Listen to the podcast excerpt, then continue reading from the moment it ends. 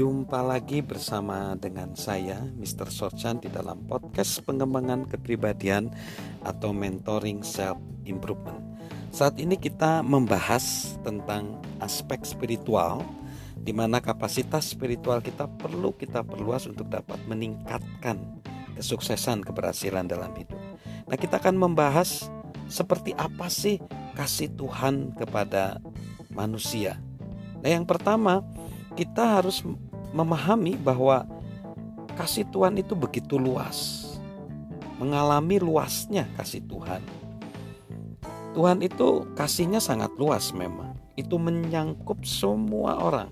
Tuhan mengasihi semua orang yang ada di permukaan bumi ini, semua agama, semua ras, semua negara, semua usia, semua tahap kehidupan. Sebegitu luas kasih Tuhan itu.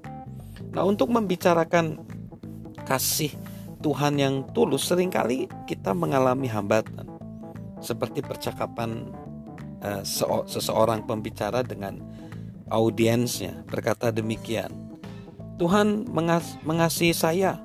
Semua orang suka senang mengatakan itu. Tuhan mengasihi Anda mengasihi kamu. Semua orang juga suka akan pertanyaan itu. Tuhan mengasihi orang-orang yang tidak saya kenal. Waduh, mereka juga suka akan pernyataan itu.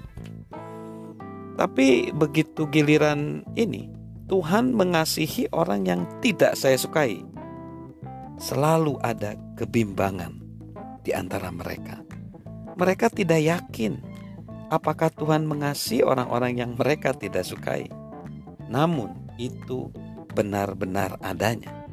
Kasih Tuhan yang sangat luas juga mencakup orang-orang yang sulit kita sukai. Nah, mengingat beberapa orang berperangai buruk dalam kehidupan kita, kita sering bertanya-tanya, bagaimana mungkin Tuhan mengasihi mereka? Beginilah cara Tuhan mengasihi mereka mengutip perkataan dari penulis dan profesor C.S. Lewis. Tuhan mengasihi kita bukan karena kita layak dikasihi, melainkan karena Dia sendirilah kasih itu.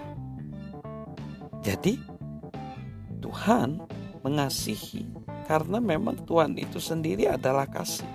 Memikirkan kasih Allah yang begitu luas mungkin sulit bagi kita, apalagi kalau itu kita berpikir apakah Tuhan juga mengasihi orang-orang yang tidak saya sukai atau yang perangai-perangainya buruk. Lalu yang selanjutnya, kita harus merasakan lamanya kasih Allah. Kita merasakan lamanya kasih Allah atau kasih Tuhan. Tuhan meminta kita untuk menguji lamanya kasihnya. Seberapa lama? Ya selama-lamanya. Kasih Tuhan itu tidak pernah berakhir. Kasih Tuhan itu tidak pernah bergantung kepada saya, kepada kita, kepada manusia. Tuhan itu mengasihi kita apa adanya, bukan karena kita layak atau bukan karena penampilan kita, bukan karena kita layak dicintai atau apa saja. Tuhan tidak tergantung pada siapa pun. Nah, kita harus sadar bahwa eh, kasih daripada Tuhan itu lama.